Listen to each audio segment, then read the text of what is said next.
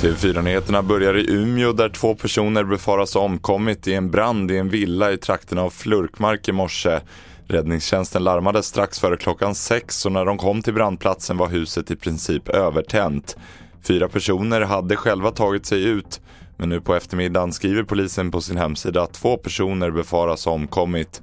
Anhöriga som ska ha befunnit sig i huset är underrättade. Brandorsaken är oklar men ska utredas av polis.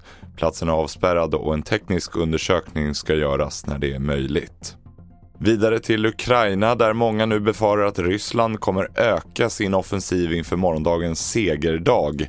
Det har även spekulerats om att Vladimir Putin kommer förklara öppet krig efter att hittills ha beskrivit insatsen i Ukraina som en specialoperation.